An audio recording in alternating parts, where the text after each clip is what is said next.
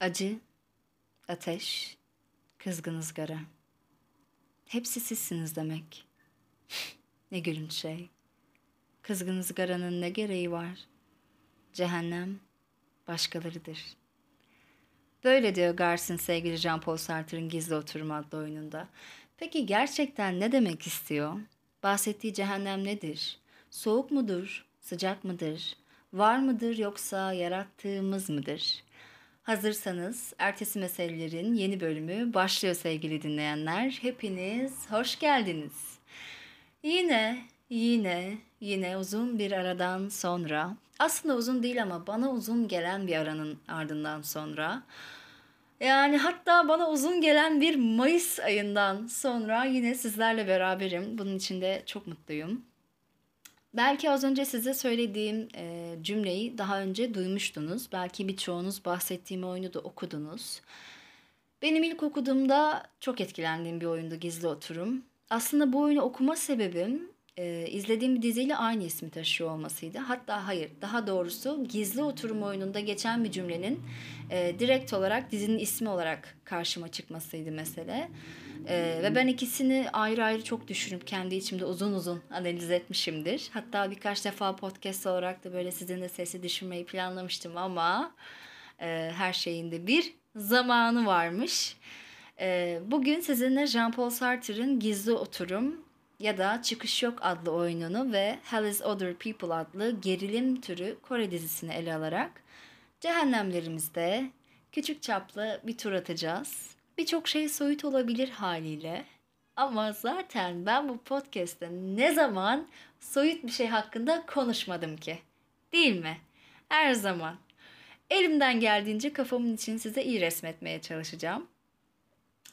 Dediğim gibi ben önce dizi izlemiştim. Yani diziyi de böyle çok e, öylesine izlemiştim. Karşıma çıkmıştı ana bu da ne falan. Zaten bu iyi şeyleri böyle öylesine aman canım bu da ne diye izlememiz yok mu? E, o dönem kurgusunu ve fikrini çok beğenmiştim. Lütfen ama lütfen gerçekten bu diziyi izleyen arkadaşlar, sevgili dinleyiciler. Dizi izlerken ne düşündünüz? Nasıl fikirler yürüttünüz? E, duygularınız, fikirleriniz nelerdi? Lütfen bana yazın. Çünkü gerçekten o dönemde bir konuşma açlığı çekmiştim ben. Hala da çekiyorum yani olabildiğince izletmeye çalıştım yakın arkadaşlarıma herkese ama her zaman başka bir bakış, başka bir fikir benim için çok önemli. Ve ben dizi ilk izlediğim zaman e, dizide bazı noktalar benim için kör kalmıştı. Yani burada ne demek istedi, işte bu ne yaptı, e, son sahnede ne, ne demeye çalışıyordu, niye o öyle oldu falan derken ben böyle ince ince araştırmaya başladığım sırada e, aslında dizinin isminin Sartre'ın bir oyununda geçtiğini öğrendim. O yüzden oyunu da şimdi sizinle aktaracağım. E, oyunda bir cehennemdeyiz. E, bir sürü koridorun birbirine bağladığı odalardan birinde cehenneme gelen Joseph Garcia'nın oradaki uşakla konuşmasına şahit oluyorsunuz ilk adımda. E, tabii Garcia'nın kafasında bir cehennem resmi var. Yani tıpkı bizim de şu an olduğu gibi cehenneme karşı bir şeyler düşünmüş acaba nasıl olur falan diye ama bir bakıyor ki işte şık bir oda, e, şömine, bronz heykel vesaire. Bir de biraz boğucu bir sıcaklık var ama o kadar. Yani başka bir şey yok. Bir de bakıyor ki hiçbir yerde ayna yok ama bunun dışında e, her şey çok gündelik. Tabii odada yalnız kalmayacak. Aslında en önemli detay bu. Yani odada yalnız kalmayacak olması. Yavaş yavaş diğer karakterler de dahil olmaya başlıyor. Ines ve Estelle karakterleri dahil oluyor odaya. Yani ilk adımda böyle işte birbirlerine karşı çok kibarlar. İşte aa lütfen benim karşımda böyle ceketinizi çıkararak oturmayın. Aa tabii ki hanımefendi istiyorsanız geçin benim kanepeme oturun falan filan böyle çok kibar e, konuşmalar geçiyor. Ama yani cehennemdesiniz. Cehenneme düşmüşsünüz. Bir şeyler yaşanmış e, diye düşünüyorsunuz. Tabii zaten onlar da konuştukça e, iletişim kızışmaya başlıyor diyeyim ya da insanlar birbirini tanımaya başlıyor. Şeye benziyor birazcık. Üniversitenin oryantasyon haftasında hani böyle herkes tanışır. Çok tatlıdır herkes böyle gruplar kurulur. Aa biz biz var ya dört sene boyunca birlikte olacağız falan deyip iki hafta sonra grup içi savaşlar başlar. Onun gibi bir durum var aslında. Yani aralarında sevilecek bir karakter yok. Ee, ama ben yine de en çok Ines'i orantılı buldum. Yani şöyle bazen e, bir şey kötüdür. Ama kendi içindeki tutarlılığı başka birinin o ikiyüzlülüğünün, tutarsızlığın yanında daha sempatik gelir. Atıyorum biri aslında herkesin hakkında kötü konuşur ama her seferinde bunu inkar eder. Böyle bir bakarsın yüzüne karşı tatlım cicim canım der falan arkasından konuşuyordur. Yani o tutarsızlık, e, hiçbir düşüncenin arkasında durmayarak korkakça yaşayan karakter sizde mide bulantısı yaratırken diğer yandan ne düşündüğünü gerçekten hareketleriyle, davranışlarıyla, konuşmasıyla belli eden kişi size bunu hissettirmez yani dersiniz ki beni sevmiyor, benden nefret ediyor, bana karşı bir düşmanlığı var ama bu kadar. Yani bu karakterler arasında da böyle Garsin işte çok kibar, sakin, e, bir beyefendi gibi hareketler takınırken Estelle çok tatlı, naif kadın, neden orada olduğunu da asla bilmezmiş gibi davranıyor. Ve Ines çok dürüst, sakin, e, kötülüğü, kötü olduğunu, neden orada olduğunu biliyor ve bence en önemli karakter bu yüzden Ines'ti. Ve zaten onlar konuştukça birbirleriyle e, karakterler yavaş yavaş birbirini körüklemeye başlıyor. Yani birbirine saldırmaya başlıyor. Estelle karakteri sadece dişiliğiyle ve aslında dişiliğinin arzuladığı nesnelerle mutlu olan bir kadın. Yani atıyorum işte kendi güzelliği, beğenilmek onun için çok önemli. Bu yüzden de orada tek erkek olan Garsin hoşuna gitmeye çalışıyor. Ama Garsin diyor ki ya benimle konuşmayın, benimle hiçbir şekilde muhatap olmayın. Ben sadece oturmak istiyorum bir köşede. Benim hakkımda öbür dünyada ne düş işte ne düşünüyorlar, ne konuşuyorlar, neler oluyor bunlara odaklanmak istiyorum falan diyor. Ee, ve hiçbir şekilde yine şey Estele'ye yüz vermiyor. O noktada en önemli sahnelerden biri gerçekleşiyor bence. Neden size bu kadar uzun anlatıyorum? Estelle Garsin'in ilgisini çekemedikçe Ines e, Estelle ile arkadaş olmaya çalışıyor. Yani beni sevsin diye uğraşıyor.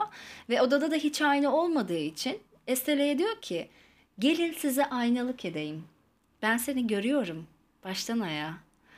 Ve Estelle Ines'e kötü davrandığı ilk an ''Aa o da ne? Rujun biraz taşmış mı? Aa yok iyi görünüyor. Gördün mü? Aynan istediği zaman sana yalan söyleyebilir.'' diyor. Tam bu sahnede şöyle olmuştum. Ne bu odada olan? Bu sahnede olup biten. Yani çok tanıdık. Ben bunu biliyorum. Ben bunu bir yerde ya yaşadım ya gördüm. Ben bunu biliyorum ama başka bir kurguyla üstü kapalı bir şekilde başka bir şekilde şu an karşımda ama olan ne burada tam olarak? Ve aslında biraz düşününce hayatımızı ve etrafımızdaki insanlarla ilişkimizi tezgaha koyduğumuzda Şöyle bir durum var. Sen doğduğun andan itibaren oluşan ve kaynaşan bir anlam ve varlıksın. Ve bunu olabildiğince düşüncelerinle, eylemlerinle ve davranışlarına yansıtmaya çalışıyorsun yaşarken. Ama biriyle tanıştığında her ne kadar kendinde olanı yansıtsan da o kişinin anlama ve kavrama yetisi kadar var oluyorsun. Yani o kişinin dünyasında o kişinin verdiği anlamdan ibaretsin ve bu asla senin özün sandığın şeyle yüzde yüz orantılı değil. Sen çevrendeki nesnelerin ve varlıkların anlamından ve yorumundan ibaret bir varlıksın. Yani ne yaparsan yap, seni kötü ya da çirkin olarak düşünen biri için sen sana göre iyi ve güzel olsan da bir geçerliliği olmuyor. Çünkü hiçbir zaman seni yaratan tam anlamıyla sen değilsin.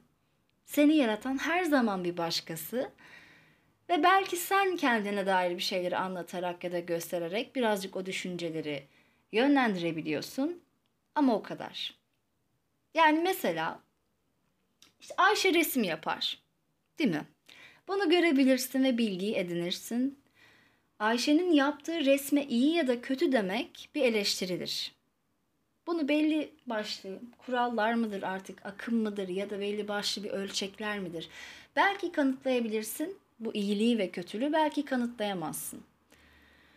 Ama Ayşe aslında resim yapmaktan nefret ediyor bir yorumdur. Ve işte bunu değiştirmek çok zor. Çünkü bu insan bu yorumu her zaman bir sebebe dayandırarak yapmıyor. Bu kadar düşününce sonunda şöyle oluyorum ben. Kendime dair tek başıma yaratabildiğim hiçbir anlam yok. Her zaman başka bir yoruma ve algıya muhtacım. sadece etkileyebilirim o anlamı. O zaman çoğu zaman şu öz dediğimiz şey içinde çok fazla yorulmaya gerek yok diyorum. Hani aslında ben kimim, ne isterim, ne severim, neyden nefret ederim? Hayır, şimdi şunu seviyorum ve aslında nefreti de sevgiyi de her an yeniden yeniden tanıyorum. Ama bu kesinlikle şu değil. Sevgim ve nefretim ve anlamlarım nesnelere ve algılara muhtaç. O zaman bunlar sürekli değişen şeyler ve özde düşündüğüm şeyin de bir anlamı yok. Bunu dediğiniz anda yanıyorsunuz. Çünkü karşınızdaki, hayatınızdaki insana verdiğiniz senin düşündüğünden ve yarattığından ibaretim algısı tam olarak cehenneminizin anahtarı. Yani o an o kişi Ayşe'nin kendisini bakın kendisini aslında resim yapmaktan nefret ettiğine inandırabilir. Sen aslında resim yapmaktan nefret ediyorsun farkında mısın? Ve belki e, benim tek amacım senin iyi yaptığını düşündüğüm bir şeyi yok etmek. E, seni kıskandığım, sende güzel olan bir şeyi yok etmek istediğim için yapıyorum belki bunu. Ve işte sen kendindeki güzeli, iyiyi, kötüyü anlamlandırmadığında ya da önemsemediğinde ya da hiç düşünmediğinde bu oluyor.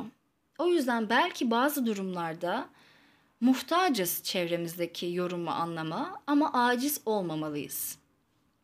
Estele'ye dönecek olursak Estelle hem aciz hem de muhtaç. Yani gerçekten Ines'e muhtaç ee, ve aciz durumda çünkü odada hiç ayna yok ee, ve Garsin onunla konuşmuyor. Bu yüzden Ines'in dediğine inanmak zorunda. Ya da Ines'in dediği her zaman onun kafasını karıştırmak zorunda. Ve Ines istediği zaman onun anlamını bozabilir. Çok güzelsin yahu ya da aa rujun bulaşmış gibi. Ardından e, Ines ve Garcia'nın bir sahnesinde aslında oradaki herkesin birbirinin aynası olduğunu ve kaçınılmaz bir şekilde birbirlerine dönüştüğünü görüyorsunuz. Çünkü artık birbirinizin yarattıklarına inanıyorsunuz. Size bahsettiğimiz işte o anlam durumu, bahsettiğimiz birbirimize karşı düşündüğümüz şeylerin aslında yarattığı anlamlar demiştik ya. Bir bakıyorsunuz ki aslında bütün karakterler e, birbirine ait olmuş, birbirinin aynısı olmuş. Şey oluyor, Garsin dünyadaki karısından ya da orada evli olduğu karısından bahsederken doğrusu aşırı derecede hayrandı bana diyor ve Ines hayır kimse bana hayran değildi diye cevap veriyor. hani şey vardır ya e, seven sevdiğine benzer derler ki ben buna katılıyorum. Gerçekten bakıyorsunuz bazen uzaktan saçı başı işte konuşması huyu suyu her şey böyle birbirine benzemiş o insanların. E, ama ben bunun sadece sevgide olduğunu düşünmüyorum. Yani neye çok uzun süre maruz kalıyorsanız ve o kişiyle güçlü duygular içindeyseniz ona benzemeye başlıyorsunuz. Yani bu güçlü duygu öfke, nefret de olabilir ve sonuçta her şey olabilme potansiyeli olan muhteşem yaratıklarız. Yeter ki yeter ki maruz kalıp yeterli süre işlenebilsin o veri. Ve Ines diyor ki hayır kimse bana hayran değildi atıyorsun. Ve Garson artık bunun tersi de gerçek olsa asla kanıtlayamaz. Artık böyle tamamen tahammülsüzlüğün tırmandığı bir noktada tamamen artık birbirlerine giriyorlar, birbirlerinden nefret ediyorlar, birbirlerine saldırıyorlar derken e, kapıyı yumruklamaya başlıyor Estelle ve Garson ve kapı açılıyor. Peki sizce dışarı çıkıyorlar mı? Ya da şöyle sorayım siz dışarı çıkar mıydınız? Düşünün cehennemdesiniz, ölmüşsünüz. Gidebileceğiniz tek yer koridorlar arasında dolaşarak varacağınız başka bir oda ve kapı açıldı. Çıkıp gider miydiniz? Yani Garson ve Estelle gitmiyor. Aslında Garsin çıkmıyor odadan ve o gitmeyince tabii ki Estelle de gitmiyor yani. Garsin'i bırakamıyor ve Garsin'in gitmeme sebebi şu. O sevmedikleri, istemedikleri Ines'e dönüp diyor ki sen bir korkağın ne demek olduğunu biliyorsun. Kötülüğün, utancın, korkunun ne demek olduğunu biliyorsun. O yüzden burada kalacağım. Çünkü Garsin böyle biri. Yani hayatı böyle yaşamış adam ve artık başka bir şey olabilme ihtimali yok cehennemde. Ee, ve onu gerçekten tam anlamıyla tanıyabilecek biri artık onun kutsalı. Yani kutsalı gibi bir şey artık yine sonun. Ve bundan nefret etse de artık bundan ayrılamıyor. Onu kendi anlamıyla gören bakıştan ayrılamıyor. Başka bir odaya gitmeyi, yeni insanlarla tanışmayı, onlar tarafından belki sevilmeyi, belki nefret edilmeyi, hatta hiç anlaşılmamayı göze alamıyor ve kapıyı kapatıp koltuklara yeniden oturuyorlar. Ardından başta söylediğimiz cümleleri söyleyerek bitiriyor. Kızgın ızgaraya ne gerek var? Cehennem başkalarıdır. Kapı önünde yani o kapının önünde üçünün yaşadığı e, olayın içindeki metaforların kurduğu şeyin arkasındaki o gerçekliğe baktığınızda aslında bizim hayatımızda da var bu durum. Nasıl var? Nasıl bu soyut şey şimdi bizim hayatımızda da var? Belki ben konuşurken bile hissettiniz yani az çok. Ee, sevdiğimiz, bizi tanıyan ama artık bizi yıpratan ve tüketen insanları hayatımızdan çıkaramıyoruz bazen. Bu bir gerçek. Şey derler hatta e, böyle durumlarda yani basiret tutulması. Basireti bağlandı galiba bunun yani yoksa yani hiçbir mantıklı sebebi yok buna devam etmesi için diyorlar. Ya da şey dersiniz e, ya o kadar uzun süre arkadaşlığımız var, o kadar uzun süre geçmişimiz var. Biz çok şeyleri atlattık beraber, çok şeyler yaşadık. Yazık olmasın. Burada yazık olan aslında siz ve karşınızdaki kişi çoğu zaman. Yani yaşanılan şeyler yaşanmıştır zaten ve siz içinde bulunduğunuz ortamdan uzaklaşmadıkça yoran, zehirleyen şeyi göremiyorsunuz. Tabii ki onarılması, düşünülmesi mümkündür bazı şeylerin. Onları kastetmiyorum. Ee, ama bu her zaman mümkün olmuyor. Yani aslında belki de sizi çoktan başka bir insana çevirmiş ee, ve bu insan yani dönüştüğünüz insan artık tamamen size yabancı bir haline gelmiş bir noktada. Bu yüzden de işte uzaklaşmanız gerekiyor. Yani anlamı görebilmeniz ve değiştirmeniz gerek. Bazen şey gibi hissedebiliyoruz işte o insanla aramızdaki bağ e, dünyanın en önemli şeyi. O olmazsa dünyanın sonuymuş ya da çok büyük bir kayıpmış gibi geliyor bize o şeyi bitirmek. E, sanki o insanın yarattığı anlama muhtaçmış gibi hissediyoruz. Ama biz ölmedik. Yani cehennemde değiliz. Acizlik bizim için bir mecburiyet değil Estele'de olduğu gibi. Çünkü gerçekten belki çoktan sizi gerçek olmayan bir şeye inandırdı. Gaslighting. ha? Buradan fırlıyor işte. Hangi cehennemin işkencesiymiş? Tam olarak bu cehennemin. Gaslighting. Ve aslında e, bu oyundaki ilişkileri anlayıp kafamda inşa edince işte izlediğim dizi de soru işaretleri çözülmüş oldu çok çok çok çok seri bir şekilde geçiş yapacağım şimdi hızınızı kesmeden. Strangers from Hell orijinal adıyla Tainen Juigda 2019 yapımı bir gerilim dizisi aslında. E, Tainen Juigda aslında Hell is other people demek. Yani cehennem diğer insanlardır anlamına geliyor ama Strangers from Hell olarak diziyi piyasaya sürmüşler. Bir webtoon uyarlaması. Böyle güzel işler de hep webtoonlardan çıkıyor gibi bir algı var bende de ne yazık ki. E, ama gerçekten güzel oluyorlar ve bence e, Hell is Other People da e, kendi türünde çok başarılı bir dizi. Başrollerinde Im Shi-wan ve Lee Dong-wook yer alıyor. Ee, şimdi Kore canlar, Kore dizisi izleyen arkadaşlarım varsa arada onlar için daha ayrıntılı geçeyim. Bence Lee Dong-wook'un kariyerindeki en iyi dizilerden bir tanesi bu arada. Ciddi, gerçek bir kötüyü canlandırmış. Karakterlerin isimlerinden gitmeyeceğim. E, çünkü bazıları için anlaması zor olabilir. Yani Jongwoo, Moonju falan gibi. E, oralara çok girmeyeceğim. Ama Shiva'nın karakteri genç bir adam ve şehre çalışmak için geliyor. E, şehre dediğim yani kırsal bir kesimden şehir hayatına geliyor çalışmak için. Askerliğini yapmış. İşte sıradan e, normal bir insan ve kalacak bir yer aramasıyla başlıyor dizi diyebiliriz. Biraz pasif agresif bir insan görüyorsunuz. Yani pasif agresifin de en sinir bozucu modeli diyebiliriz. Benim şahsi fikrim. Gerçekten artık hani böyle boğucu bir pasif agresif. Yani şunu da şuraya koyma diyemeyecek kadar içinde yaşıyor her şeyi. Ee, aslında karakterin hikayesine girdikçe düşündüğü şeyi yapamayan, bir türlü yaşayamayan ve sürekli yoğun duyguları bastıran bir insan olduğunu görüyorsunuz. Ee, mesela ona iş sağlayan ve aynı zamanda patronu olan arkadaşıyla olan ilişkisinde, kız arkadaşıyla olan ilişkisinde, iş arkadaşlarıyla olan o ilişkisinde, iş yerinde sevmediği kişiyle yaşadığı, içinde yaşadığı işte öfke ve ım, kızgınlıklarını falan. Yani bunları hep bir şekilde aslında içinde yaşayan ve hiçbir şekilde dışa vuramayan, sessiz, sakin ama problemleri olan bir karakter. Ee, bu ilişkilerde de kendini yeterince ifade edemeyen birinin Cennet Konutları adlı deli işi bir yere yerleşmesiyle bütün olaylar başlıyor. Cennet Konutları da manidar mıdır? Bence manidardır. Ee, taşındığı yer böyle çok küçük yan yana odaları olan bir motel diyebiliriz. İşte girişte bir tane çok itici bir acunma var.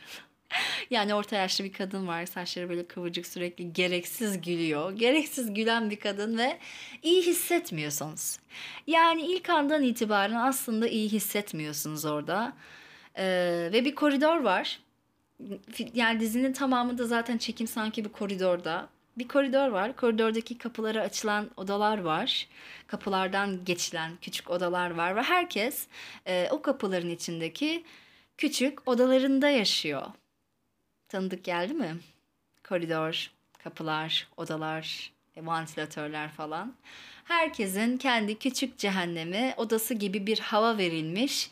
Ee, ve bir olay olduğunda mutlaka herkes kapısını açıp böyle koridorda burun buruna geliyor. İşte bunaltıcı bir sıcak var. Asla çalışmayan pervaneler var. Terliyorlar sürekli. Neyse diyorsun yani bu paraya böyle bir yer. Ee, ama kalan insanlar da tuhaf.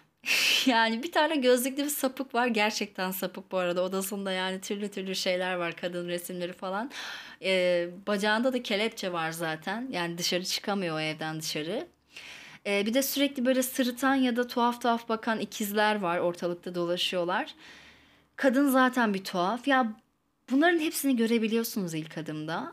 Burada çok garip, itici, kriminal ya tipler var. Yani kafayı yemiş tipler var ve ben burada nasıl kalacağım? Ben demiştim ki ben kalmazdım. Yani ben kesin kalmazdım.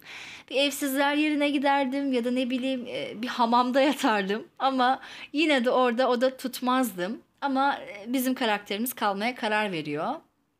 Ve ve ondan önce de kaldığı odada e, kalan kişinin intihar ettiğini bilerek yapıyor bunu. Şimdi zaten şöyle düşünüyorsunuz. İlk yol, yol ayrımında yani ilk şeyde aslında biraz kendinizdeki eğilimi görebiliyorsunuz. İşte kalmazdım ya da kalabilirdim. Göze alabilirim bu durumu. Kaldı ki Shiva'nın karakteri yani orada kalan kişi aynı zamanda cinayet romanı da yazmaya çalışan biri. Hani böyle koy, kuytuluktan işte biraz şeytani yerlerden ilham almak istiyor, para biriktirmek istiyor belki biraz falan diyebiliyorsunuz. Okey yani e, buraya kadar da aslında tamam. Olabilir, göze alınabilir bu durum.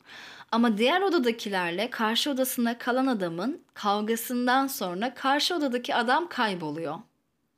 Ve e, size bahsettiğim o gözlüklü sapığın da gece yarısı elinde bir bıçakla adamın odasına baktığını görüyor. Ya artık bu olaydan sonra kalmazsın. Yani dersin yani beni de burada öldürebilirler. Başıma bir iş gelir dersin ve koşa koşa gidersin. Ee, ama gitmiyor. yani gitmiyor hiçbir şekilde. Hani demiştik ya çevredeki nesnelerin ve insanların beslediği anlamlarız aslında. Karakterimiz pasif agresif biri olmasına rağmen kaldığı yerdeki o tuhaf dinamik onu yavaş yavaş değiştirmeye başlıyor. Aslında dizinin e, en önemli konusu bu. Ve Lee Dong-wook'un karakteri de aslında ana karakter, ana kötü olarak burada dahil oluyor. Derseniz ki oyunda bir benzeri var mı? Yani paralel olarak karakterler arasında bir benzerlik kurabildin mi? Evet, Ines ve Dong-wook'un karakterlerini birbirine benzetebilirsiniz. En azından ben benzettim. Çünkü e, Dong kötülüğü bilen, bunu sistematik bir hale getiren ve insan öldürmeyi sanat olarak algılayan bir adam. Yani kendisi eli yüzü düzgün bir dişçi, ee, ve aslında kimse cennet konutlarında kaldığını neredeyse bilmiyor. Buradaki insanlar yani bu kriminal tipler aslında o itici acunmanın da çalıştığı bir yetimhanedelermiş küçükken. Sonra onlar bu yetimhaneyi de yakıp hatırladığım kadarıyla hep birlikte büyümüşler. Sonra da insan öldürmeye başlamışlar o binada.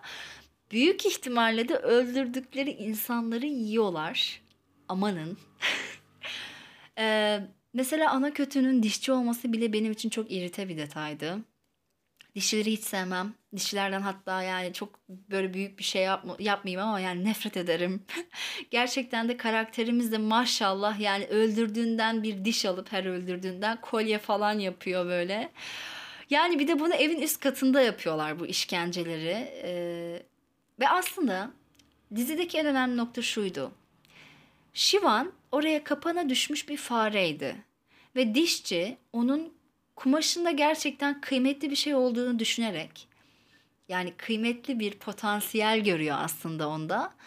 Onu öldürmek için değil de onu kendisi gibi yapabilmek için bir oyun kuruyor. E, çünkü çocuğun özündeki kötülüğü görüyor aslında öyle söyleyebiliriz. E, ya hemen yan odasında kalıyor. İşte onun e, izleyebilmek için duvarda bir delik var. Çocuk odadayken sürekli onu izliyor. Hatta bir ara gaslighting de yapılıyor. Yani hem de alası yapılıyor. Çocuğun işte tamire giden bilgisayarın kutusu açılmış. içinden bilgisayara bakılmış.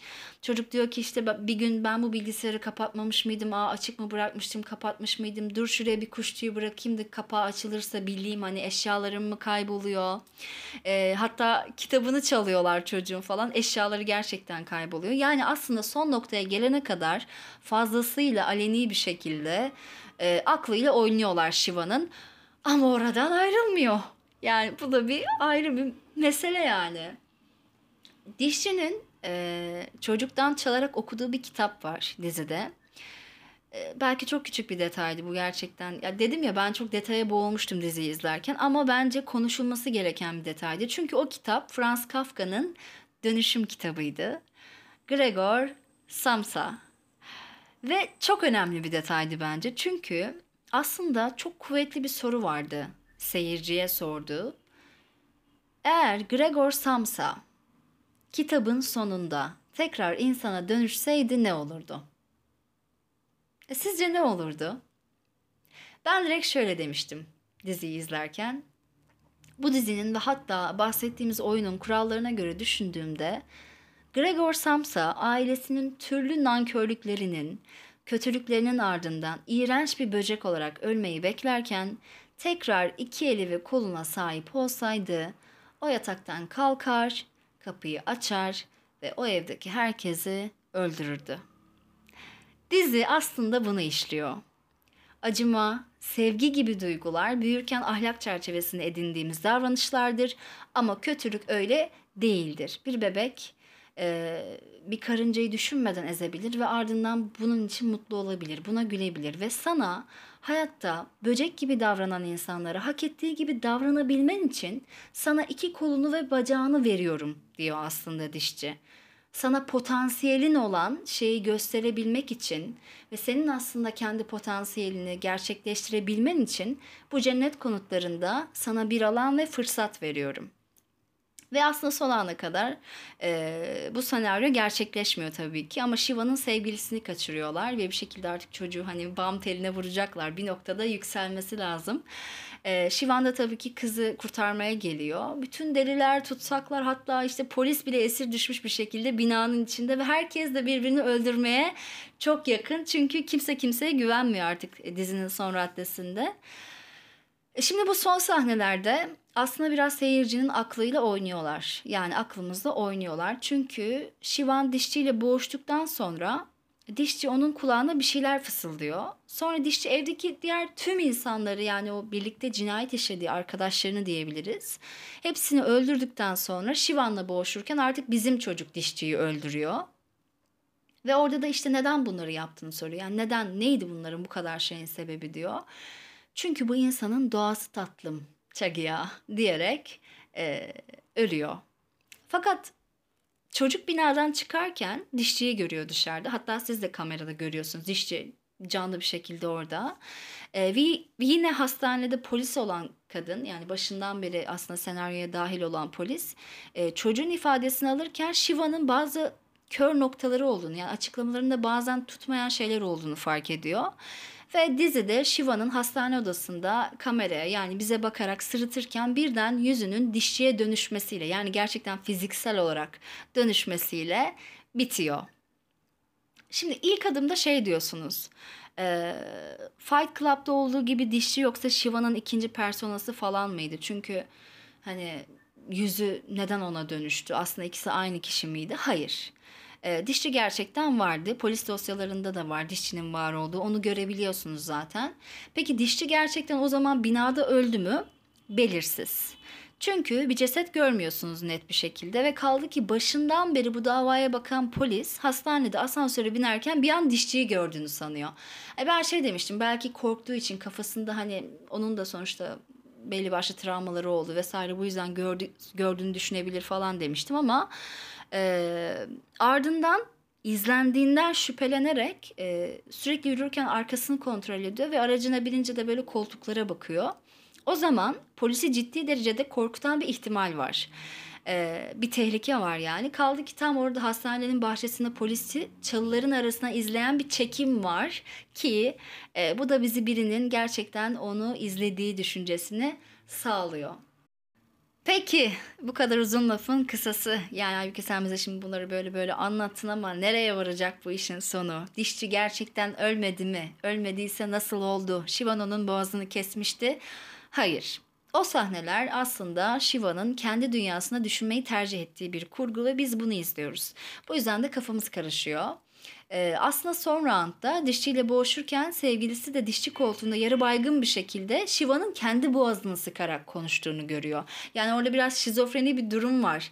Ee, peki tam olarak ne olmuştu orada? Yani Shivan ve dişçinin aslında birlikte geçirdiği son sahne dişçinin e, kulağına fısıldadığı sahne. Dişçi Shivan'dan binadaki herkesi öldürmesini ve suçu da onun üstüne atarak bütün bu olaylardan sıyrılmasını söylüyor ve kendisi o saniyeden sonra aslında binadan çıkıyor. Ardından bizim cinayet romanı yazan pasif agresif karakterimiz Gregor Samsa modundan çıkarak o binadaki herkesi öldürüyor. Dişçi de tabii ki dışarıda ee, ve daha önce de dediği gibi ikisi ölene kadar birlikte olacak. Ama bu psikolojik bir rahatsızlıktan hani ruhsal bir boyutta birlikte olmaktan bahsetmiyor. Gerçekten iki katilin birlikte olması gibi bir durum var. Aşırı toksik. Ee, peki son sahnede neden Shiva'nın yüzü dişçiye dönüştü? Yani madem hayali bir karakter değildi, e, bize neden yönetmen ya da webtoon yazarı böyle bir şey göstermeyi tercih etti? Çünkü Gizli Oturma adlı oyunumuzu hatırlayalım hemen. Demiştim birçok şey oyundan sonra aydınlanıyor aslında. Orada bir süre sonra herkesin birbirinin aynası olarak sonunda birbirine dönüştüğünü görüyordunuz. Ee, ve Ines ve Garson sanki tek bir kişiymiş gibi aynı ağızdan konuşuyordu. İşte dizinin son sahnesinde Shiva'nın yüzünün dişçiye dönüşmesi de tam olarak bu fikre dayanıyor. Yani Shivan artık dişçinin ta kendisi. Aynı cehennemin baş aktörleri gibi bir şey oluyorlar. Ee, benim için daha burada anlatıp da sizi boğmadığım birçok detayıyla aslında çok güzel bir diziydi. Ve ben şu soruyu sormuştum sonunda. Yani her şeyin sonunda şunu sormuştum. Neden Shivan o otelden hiç ayrılmadı her şeye rağmen?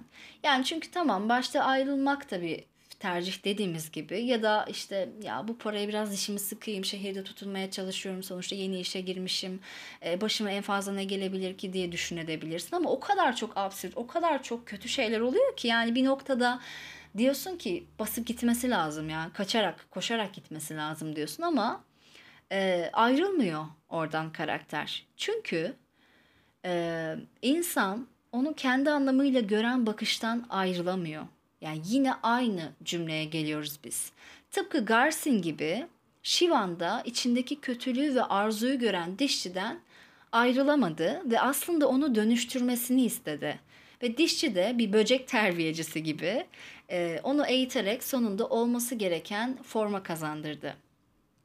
Dizideki e, görüşler e, ve eylemler ahlaki olarak farklı bir şekilde yargılanır tabii ki. İşte insanın içindeki kötülük her zaman var mıdır? Biz bu kötülükten her zaman keyif mi alırız vesaire vesaire. Bu gibi şeyler farklı bir şekilde analiz edip farklı şekilde yorumlanabilir ama gizli oturum oyunu da bu dizide aslında kendi kurgusunda bize çok güzel tiyolar ve konular sunuyor bence.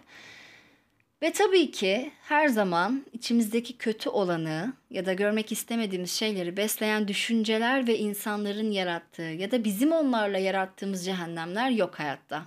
Yani bu çok uç bir örnek. Bu dizideki örnek de e, ya da gerçekten fiile dönüşen çok ciddi e, başka insanların hayatını etkileyen kötülükler bunlar uç örnekler belki ama günlük sıradan bir örnek üzerinden aslında bu fikirleri inşa ettiğimizde e, şunu görüyoruz ki sevdiğimiz insanlar da bizi bir takım cehennemlere hapsedebilir. E, ve bunu yaparken bizdeki bir duyguyu ya da kapalı bir gerçekliği beslemezler. Belki hiç var olmayan bir anlamı ya da durumu yaratarak ve bunun üzerinden bizi yanıltarak cehennemin kapılarını aralayabilirler. E, bu da işin galiba en cafcaflı yanı gibi geliyor bana. yani bunu anlamak da, e, bunu solumak da ve bunu anladıktan sonra bir şeyler yapabilmek de çok zor. Yani belki çoktan o cehennemdeyiz bu arada. E, belki farkında olduğumuz ya da hala fark edemediğimiz bir takım cehennemlerdeyiz. Ve öyle bu budur, yani şudur şudur demek kadar kolay değil her şey diyor olabilirsiniz çözümü görmek, bunu yapabilmek demek değil her zaman. Yani şu bir gerçek ki hayatta hiçbir şey kolay değil. Hem de hiçbiri değil yani. Şu da kolaydır diyebileceğim bir şey göremiyorum ben gerçekten. Ne kendimizi tanıyabilmek, ne etrafımızdaki insanları anlayabilmek, niyet görebilmek ya da okuyabilmek, toksik olan çevreden, insanlardan ayrılabilmek hiç mi hiç kolay değil. Bir günlük iş değil. Ama ne yapacaksın? Yani al işte bak korna. Ya ben bu kornaya ne yapabilirim şu an? Yani ben şehirde yaşayan bir insanım. Buna e, delicesine sinir de olabilirim şu an. Yani kurdeşen de dökebilirim bunun için. Ya da e, bunu ben kabul ederek yaşayabilirim. Yani kabul etme kabul etmeyeceksin de ne yapacaksın bazı şeyleri? Yani tamam durum böyle ve çok zor deyip oturup sonuna kadar tükenmeyi mi bekleyeceksin? Ee, bir şeylerin senden tamamen geçmesini bekleyerek mi yaşayacaksın? Her şeye küserek, hiçbir şey istemeyerek mi devam edeceksin bu hayatta? Ya en kötü hissettiğim o anda bile bunları söylüyorum kendime. Ve evet kolay değil ama belki yıllar alabilecek de olsa e, bu şeye karşı gösterdiğim direnç ve attığım her adım yaşamın kendisi olacak. Yaşamınızın kendisi olacak. Ve en azından şunu biliyorum. Hayatta ne olursa olsun mutlaka ama mutlaka verdiğiniz emeğin ve zamanın karşılığını alıyorsunuz. Hani bir çalışma saati prensibi vardı ya işte şu kadar çalışırsan anca öğretmen olursun, şu kadar çalışırsan işte e, başka bir şey olursun ya da deha olursun vesaire vesaire. Gerçekten ama gerçekten hayatta verdiğiniz zamanın ve emeğin karşılığını alıyorsunuz. Belki e, bir an düşündüğünüz şey olmuyor. Yani tam olarak konsantre olduğunuz ve amaçladığınız şey size gelmediği için bunun gerçekleşmediğinizi düşünüyorsunuz. Emeğinizin karşılığını almadığınızı düşünüyorsunuz ama e, mutlaka bir şey kazanıyorsunuz. Kafanızın içinde kendiniz için kurduğunuz küçük de olsa, kırık dökük de olsa, zayıf da olsa tüm iyi düşünceler aslında e, bir yer kazanıyor sizde. Bir şey inşa etmeye başlıyor. Üstüne koyun, daha çok koyun, daha daha koyun, abartın, coşun, kızın, dağıtın, tekrar kurun. Çünkü mutlaka ama mutlaka bir karşılığı olacak. Yani e, istiyorsanız bunun ne demek yani ne demek istediğime bakmak istiyorsanız bu podcast'in ilk yayınlarındaki ilk yayınlarından bir kaydı açın sonra son yayındaki kaydı açın. Yani oradaki kızın konuşması, o sesindeki kırılganlık, acaba ne yapıyorum, doğru şey mi yapıyorum, yaptığım şey acaba mantıklı mı değil mi, gerekli mi, gereksiz mi, burada bunu yaparak aslında insanları daha mı kafasını karıştırıyorum ya da rahatsız mı ediyorum, talep edilir mi, edilmez mi, bütün o kaygıları, korkuları acemiliğiyle böyle birlikte e, dil, dil sürçtüğünde mesela aman dünya başına yıkılmış gibi davranan o kızdan e, bu son kayıttaki defalarca ve defalarca lisan e, hatası yapan ama bundan da hiç gocunmayan kişiye kadar bir karşılaştırma yapın. Göreceksiniz. Yani her zaman bir şeylerin e, üstüne koyduğunuzda, emek verdiğinizde karşılığını alıyorsunuz. Bunu düşünün ve bizi başkalarının bakışındaki o cehennemden koruyup kurtarabilecek tek şey bizim kendimiz için verdiğimiz zamandan ve emekten başka bir şey değil. Umarım sizin için keyifli ve yararlı bir bölüm olmuştur. Ertesi meselelerin Ee, gelecek bölümünde görüşmek dileğiyle diyorum. Hoşçakalın. Kendinize iyi bakın.